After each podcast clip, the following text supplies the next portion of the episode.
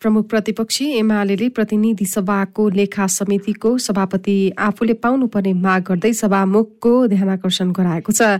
प्रतिनिधि सभाको आजको बैठकमा लेखा समितिका सभापति भरत शाहले वार्षिक प्रतिवेदन गर्न लाग्दा एमाले सांसद राजेन्द्र गौतमले सार्वजनिक लेखा समितिको नेतृत्वको प्रमुख प्रतिपक्षी दलले पाउनुपर्ने जिकिर गर्नुभयो। उहाँले संसदीय मूल्य र मान्यता अनुसार पनि सो समितिको सभापति आफूहरूले पाउनुपर्ने दावी गर्नुभयो। अहिलेसम्मको अभ्यास परम्परा र मूल्य मान्यताको हिसाबले पनि लेखा समितिको नेतृत्व विपक्षी दलले गर्दै आएको अभ्यास रहेको भन्दै उहाँले गठबन्धन सरकार बनेको एक वर्ष बित्दा पनि लेखा समितिको नेतृत्वमा सरकारको छाया देखिएको तर्क गर्नुभयो। करको दर हेरफेर गर्न अनधिकृत व्यक्तिलाई प्रवेश गराएको भनी उठेका प्रश्नबारे छानबिन गर्न गठित विशेष समितिमा कंग्रेसका सदस्य हेरफेर भएका छन्। समितिमा रहनुभएकी पुष्पा भूषाललाई उपसभामुखको उम्मेद्वार बनाएर कंग्रेसले उहाँको ठाउँमा अर्का सांसद मानबहादुर विश्वकर्मालाई उठाएको हो।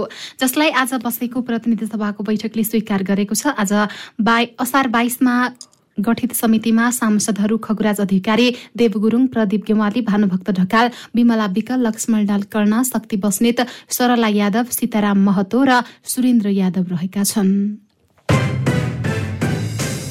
राष्ट्रिय सभाका सांसद नारायण काजी श्रेष्ठले राष्ट्र बैंकका गवर्नर महाप्रसाद अधिकारीले तत्काल राजीनामा दिनुपर्ने बताउनु भएको छ। राष्ट्रिय सभाको आजको बैठकको विशेष समयमा उहाँले बोल्दै नेकपा एमालेको अर्थ तथा योजना विभागका सदस्य एम अधिकारी भनेर उल्लेख भएको र त्यो उहाँको संक्षिप्त नाम हो भन्ने रहेको उल्लेख गर्नुभयो।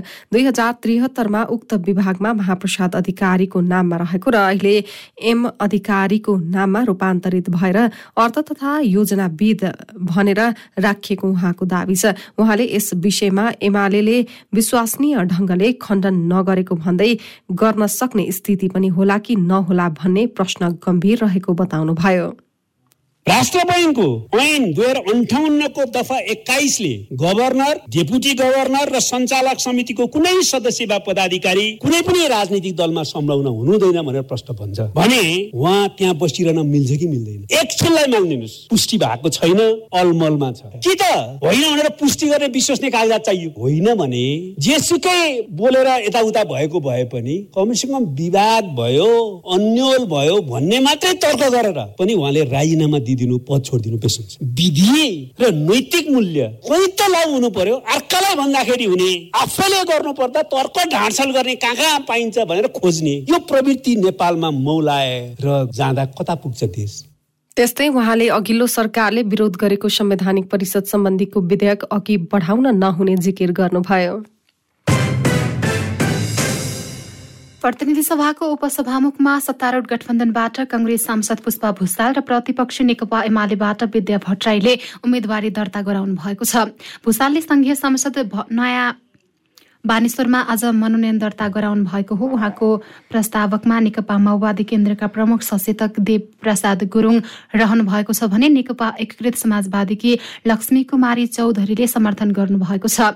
उम्मेद्वारी दर्ता गर्दै भूषालले सदनसँग जोडिएका विषयवस्तुलाई प्रभावकारी उठाउनको लागि भूमिका निर्वाह गर्न उम्मेद्वारी दिएको बताउनुभयो। निर्वाचित भए भने प्रभावकारी ढङ्गबाट अगाडि बढाउनेछु भनेर पनि मैले विश्वस्त गराउन चाहन्छु र चौथो कुरा मलाई लाग्छ संवैधानिक परिषदको सदस्य भएको हिसाबले पनि त्यो एउटा संविधानले तोकेको अत्यन्त महत्त्वपूर्ण सङ्गठन भएको हुनाले पनि एउटा संविधानको अङ्ग संवैधानिक अङ्ग भएको हुनाले पनि त्यहाँ जुन भूमिकाको अपेक्षा गरेको छ संविधानले त्यो अनुसार पनि त्यहाँ आफ्नो भूमिकालाई इमान्दारीपूर्वक निर्वाह गर्ने मैले प्रतिबद्धता पनि व्यक्त गर्न चाहन्छु। त्यस्तै एमालेकी उम्मेद्वार भट्टराईको प्रस्तावकमा सचेतक शान्ता चौधरी र सांसद कृष्ण भक्त पोखरेलले समर्थन गर्नुभएको छ। उम्मेद्वारी दर्तापछि भट्टराईले संसदको गरिमामय पद लामो समयदेखि रिक्तता रहेको र अब निर्वाचन हुन लागेकाले उम्मेद्वारी दर्ता गराएको बताउनुभयो। अब लामो समय खाली भयो त्यो एउटा कोर्स पुरा भयो भन्ने लाग्छ र आज जुन सुरु भएको छ यसले नयाँ कोर्स चाहिँ सिर्जना गर्यो भन्ने म ठान्छु। खास गरी समय कति भन्ने भन्दा पनि त्यसको गरिमा त्यसपछि संवैधानिक परिषदको सदस्य पनि उपसभामुख रहने त्यसमा पनि महिला नै हुने कारणले पनि यसको चाहिँ महत्त्व रहन्छ भन्ने हिसाबले नै यो चाहिँ सुरु भयो भन्ने म ठान्छु र हाम्रो पार्टीले गम्भीरताका साथ केही समय अगाडि संसदमा उपसभामुख पदको निर्वाचन प्रक्रिया सुरु गर्नुपर्छ र यसको जुन पदपूर्ति रहेको कुरा रिक्ततालाई चाहिँ पुरा गर्नुपर्छ भनेर हाम्रो धेरै मान्यज्यूहरूले संसदमा कुरा उठाउनु भयो। त्यसपछि मलाई लाग्छ सरकारले यो प्रक्रियामा जानुपर्छ भन्ने निर्णय गर्यो भन्ने म ठान्छु। प्रतिनिधि सभामा शुक्रबार उपसभामुखको निर्वाचन हुँदैछ। नेपाली कंग्रेसको केन्द्रीय समितिमा आज पनि सदस्यहरूले पार्टीलाई मजबुत बनाउँदै अघि बढाउनु पर्ने धारणा राखेका छन्। आज धारणा राख्ने केन्द्रीय सदस्यहरूले पार्टीलाई बलियो बनाएर निर्वाचनमा जानुपर्ने भातृ संस्थालाई पूर्णता दिएर क्रियाशील बनाउनु पर्ने निर्वाचनमा सफलता हासिल गर्न तालमेलको रणनीति लगायतका विषयमा जोड़ दिएको प्रवक्ता प्रकाश शरण महतले जानकारी दिनुभयो। आज परराष्ट्र मन्त्री नारायण खड्काले सरकारको काम कार्यवाहीको बारेमा जानकारी गराउनु भएको थियो।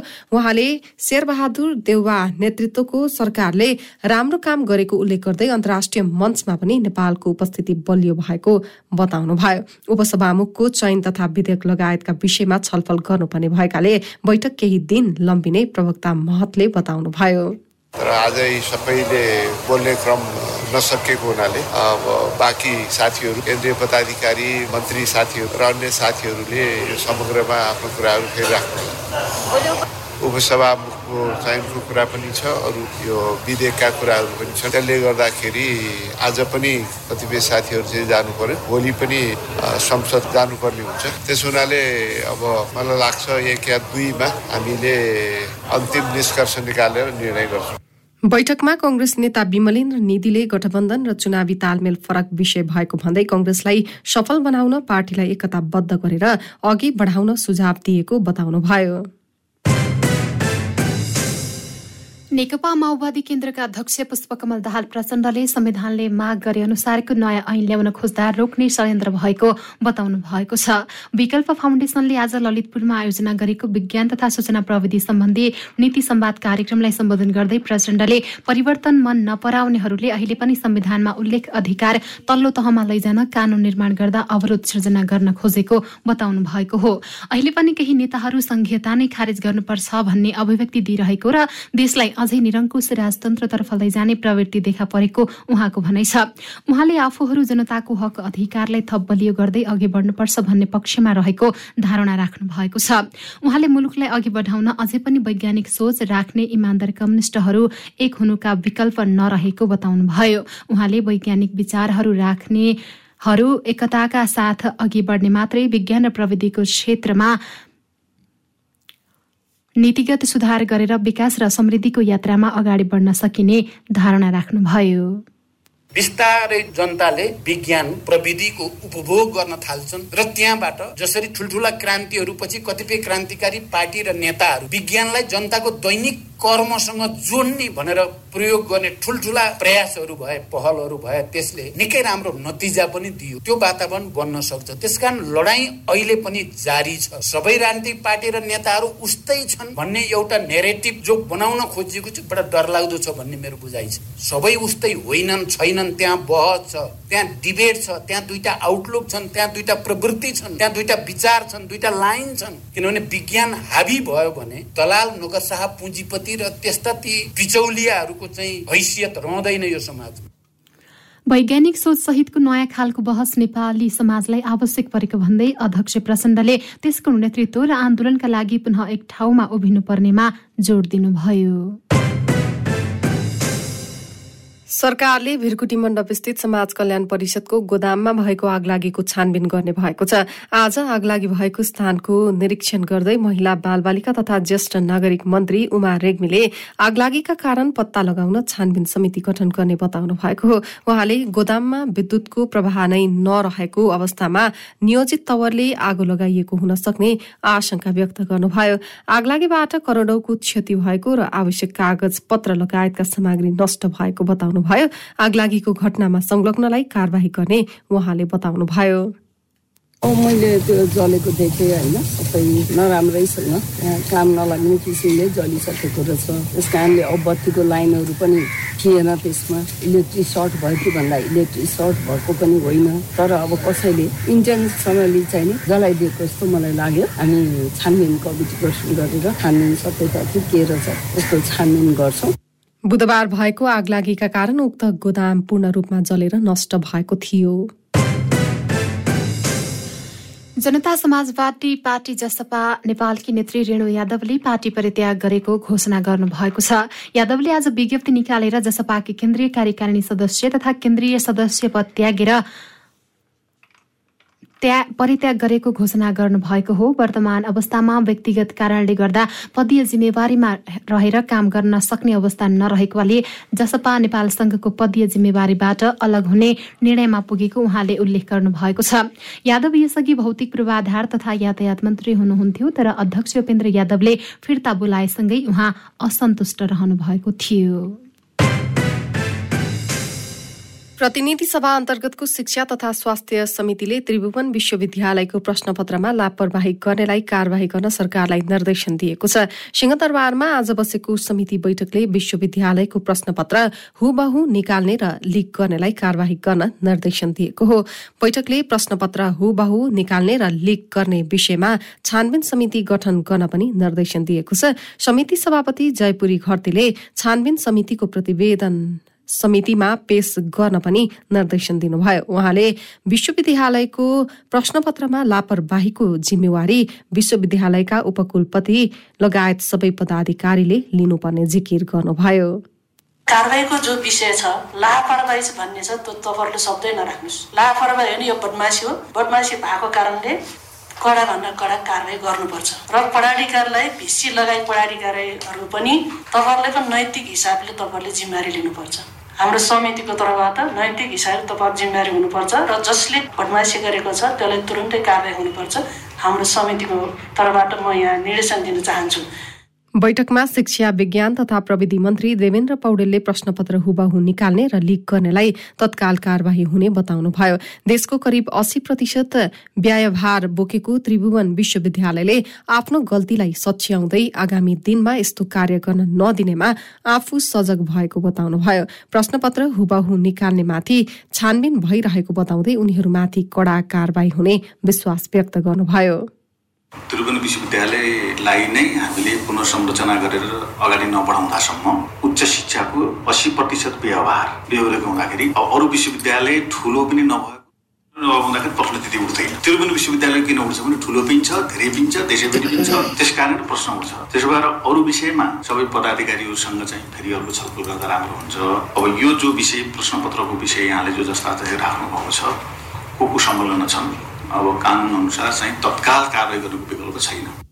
बैठकमा समिति सदस्यहरूले प्रश्नपत्र बाहिरिनु र दोहोरिनुमा त्रिभुवन विश्वविद्यालयका माथिल्लो पदाधिकारीको समेत संलग्नता हुन सक्ने भएकाले निष्पक्ष छानबिन हुनुपर्ने बताएका थिए। नेपालमा थप दुई सय साठी जनामा कोरोना संक्रमण पुष्टि भएको छ। देशभर गरिएको दुई हजार सत्ताइस पिसिआर परीक्षणका क्रममा दुई सय चौध जना र एक हजार आठ सय सत्र एन्टिजेन परीक्षणका क्रममा छयालिस जनामा कोरोना संक्रमण पुष्टि भएको स्वास्थ्य मन्त्रालयले जनाएको छ। त्यस्तै थप अडचालिस संक्रमित निको हुँदा हालसम्म नेपालमा नौ लाख सडसठी हजार आठ सय अन्ठाउन्न जना निको भएका छन्। हाल नेपालमा एक हजार एक सय एकहत्तर सक्रिय संक्रमित आइसोलेसनमा रहेको मन्त्रालयले जनाएको छ। ललितपुरमा पन्ध्रजनामा डेङ्गुको संक्रमण देखिएको छ। असार नौ गते पहिलो पटक देखिएको डेङ्गु संक्रमण तीस गतेसम्म आइपुग्दा पन्ध्रजनामा देखिएको स्वास्थ्य कार्यालय ललितपुरले जनाएको छ। संक्रमितहरू ललितपुर महानगरपालिकाको वडा नम्बर पाँच र आसपासका बासिन्दा भएको स्वास्थ्य कार्यालय ललितपुरकी ऱ्यापिड रेस्पोन्स टिमकी फोकल पर्सन गीता आचार्यले जानकारी दिनुभएको हो। ललितपुरको गणेशमान सिंह मेमोरियल अस्पतालबाट संक्रमण पुष्टि भएका उनीहरूमा गम्भीर असर भने नदेखिएको आचार्यले बताउनुभयो। अखिल क्रान्तिकारीले गभर्नर महाप्रसाद अधिकारीले राजीनामा माग गर्दै आज पनि प्रदर्शन गरेको छ। काठमाडौँको प्रदर्शन मार्गमा अखिल क्रान्तिकारीले क्याम्पस जिल्ला समितिले गभर्नर अधिकारी एमाले नेता भएको भन्दै पदबाट बर्खास्त गर्नुपर्ने भन्दै प्रदर्शन गरेका हुन्। गभर्नर अधिकारी एमाले अर्थ तथा योजना विभाग सदस्य भएको भन्दै अखिल क्रान्तिकारी क्रान्तिकारी आन्दोलनमा उत्रिएको हो।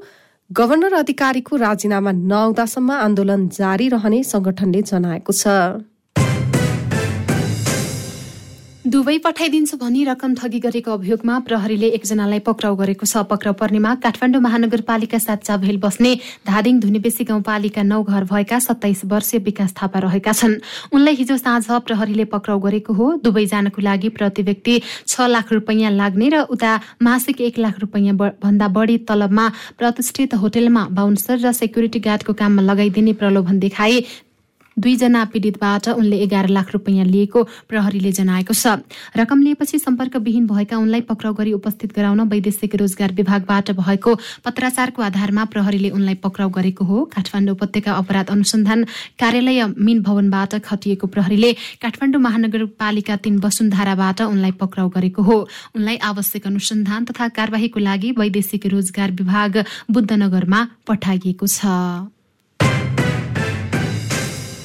वैदेशिक रोजगार कसुर मुद्दाका एकजना फरार प्रतिवादीलाई प्रहरीले पक्राउ गरेको छ। पक्राउ पर्नेमा चितवन कालिका नगरपालिका आठ बस्ने छयालिस वर्षीय श्रीकृष्ण घिसिङ तामाङ छन्। उनलाई आज प्रहरीले पक्राउ गरेको हो। वैदेशिक रोजगार सञ्चालन गर्ने अनुमति नै नपाएका घिसिङले आकर्षक रोजगारका लागि राम्रो पारिश्रमिकमा इजरायल जापान लगायतका मुलुकहरूमा पठाइदिने झुटा आश्वासन देखाई ठगी गरेका थिए। पीड़ितहरूलाई विभिन्न मितिमा ठगी गरेको वैदेशिक रोजगार कसुरका तीन थान मुद्दामा सर्वोच्च अदालतले उनलाई दुई हजार सतहत्तर चैत्र सत्र गते छ वर्ष कैद र छ लाख रुपियाँ जरिवाना ठहर गरेको थियो। उनलाई केन्द्रीय अनुसन्धान ब्युरो महाराजगंजबाट खटिएको प्रहरीले काठमाडौँको कलङ्कीबाट पक्राउ गरी फैसला कार्यान्वयनको लागि जिल्ला अदालत काठमाडौँमा पेश गरेको छ। आज पनि शेयर बजार दोहोरो अङ्कले बढेको छ। शेयर बजार परिसूचक नेप्से आज चौध दशमलव सात एक अङ्कले बढेर दुई हजार एक दशमलव पाँच तीन बिन्दुमा पुगेको छ। आज सबै समूहको सेयर सामान्य बढेको छ। बजारसँगै कारोबार रकम पनि बढेको छ। एक सय बीसवटा कम्पनीका बैसठी लाख दस हजार किता सेयर दुई अर्ब एकचालिस करोड अठार लाख रुपियाँमा कारोबार भएका छन्। सबैभन्दा धेरै एनआइसी एसिया बैंकको तीस करोड रुपियाँको सेयर किनबेच भयो। आज नबिल प्रगति फण्डको सेयर दस प्रतिशतले तथा माथिल्लो तामाकोसी जलविद्युत र प्रभु सेलेक्ट फण्डको सेयर सात प्रतिशत भन्दा धेरैले बढेको छ। समग्रमा बजार बढे पनि प्रुडेन्सियल इन्सुरेन्स कम्पनीको सेयर पाँच प्रतिशतले घटेको छ। करको दायरामा आउने करदाताको संख्या चालिस लाख पुगेको छ। महालेखा परीक्षकको कार्यालयले बुधबार सार्वजनिक गरेको उनासठी प्रतिवेदन अनुसार आर्थिक वर्ष दुई हजार सतहत्तर अठहत्तरसम्म चालिस लाख उनासठी हजार एक सय सात करदाता पुगेका हुन्। प्रतिवेदन अनुसार आयकर मूल्य अभिवृद्धि कर र अन्तशुल्क तीनवटै समूहका करदाताको संख्या वृद्धि भएको हो। त्यसमा व्यावसायिक स्थायी लेखा नम्बर पन्ध्र लाख सतहत्तर हजार तीन सय तिरासी व्यक्तिगत स्थायी लेखा नम्बर चौबिस लाख एकहत्तर हजार सात सय छब्बिस र अग्रिम कर स्थायी लेखा नम्बर नौ हजार नौ सय अन्ठानब्बे जनाले लिएका छन्। क्यान्डिड न्यूजमा अब अन्तर्राष्ट्रिय समाचार।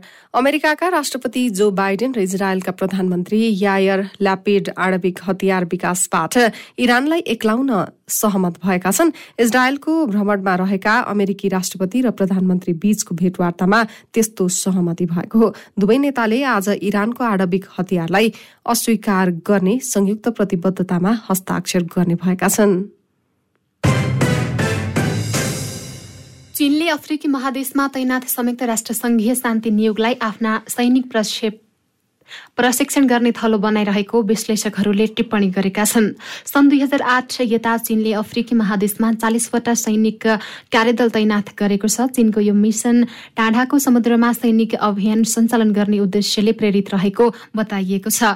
अमेरिकाको राजधानी वासिङटन डीसीमा रहेको राष्ट्रिय रक्षा विश्वविद्यालय अन्तर्गत अफ्रिका सेन्टर अफ स्ट्राटेजिक स्टडिजका रिसर्च एसोसिएट पौल नन्तुल्याका अनुसार उत्तर पूर्वी अफ्रिकाको तटपारी आदिनको खाडीमा चिनिया जनमुक्ति सेनाले समुद्री लुटेरा विरुद्ध नौसैनिक अभियान अभियान सञ्चालन गरेको बताउँछन्। समुद्री लुटेरा विरुद्धको यो नौसैनिक अभियान चीनले पश्चिमी प्रशान्त क्षेत्र बाहिर सञ्चालन गरेको पहिलो नौसैनिक अभियान रहेको बताइएको छ। क्यान्डिड न्युजमा अब खेलकुदका समाचार? अखिल नेपाल फुटबल संघ एन्फाका उपाध्यक्ष कुमार केसीले संघको आसन्न कार्य समिति बैठकमा एजेण्डा थप्न माग गरेका छन्। नवनिर्वाचित कार्य समिति वार्षिक कार्यक्रम सहित अघि बढ्नुपर्ने बताउँदै उनले आसन्न बैठकमा पाँचवटा एजेण्डा थप्न माग गरेका हुन्। उपाध्यक्ष केसीले एन्फा मुख्यालय पुगेर महासचिव किरण राई समक्ष एजेण्डा थपको विषयमा पत्र दर्ता गराएका हुन्। उपाध्यक्ष केसीले विशेष साधारण सभाको मिति तोक्नुपर्ने महिला लीगको दोस्रो चरणको खेलको सम्बन्धमा निर्णय गर्नुपर्ने राष्ट्रिय लीग गर्ने सम्बन्धमा कार्य समिति बैठकले निर्णय गर्नुपर्ने माग गरेका छन्। उपाध्यक्ष केसीले महिला लीगको दोस्रो चरणको खेलमा सम्बन्धमा निर्णय गरेर जानुपर्ने माग गरेका छन्। उनले लीगको क्यालेन्डर अनुसार ए बी र सी डिभिजन लिगको समय निर्धारण गर्नुपर्ने र दुई वर्षदेखि स्थगित अवस्थामा रहेको उमेर समूहको प्रतियोगिता ललित स्मृति यु अठार खेल गराउने सम्बन्धी एजेण्डामा छलफल गर्नुपर्ने माग गरेका छन्। एन्फाले साउन दुई गतेको कार्यसमिति बैठकमा एनएसएलसँगको सम्झौता रद्द गर्ने विभिन्न पदाधिकारी नियुक्ति गर्ने लगायतका बाह्रवटा एजेण्डामा छलफल गर्ने भन्दै कार्यसमिति सदस्यलाई पत्र पठाएको छ।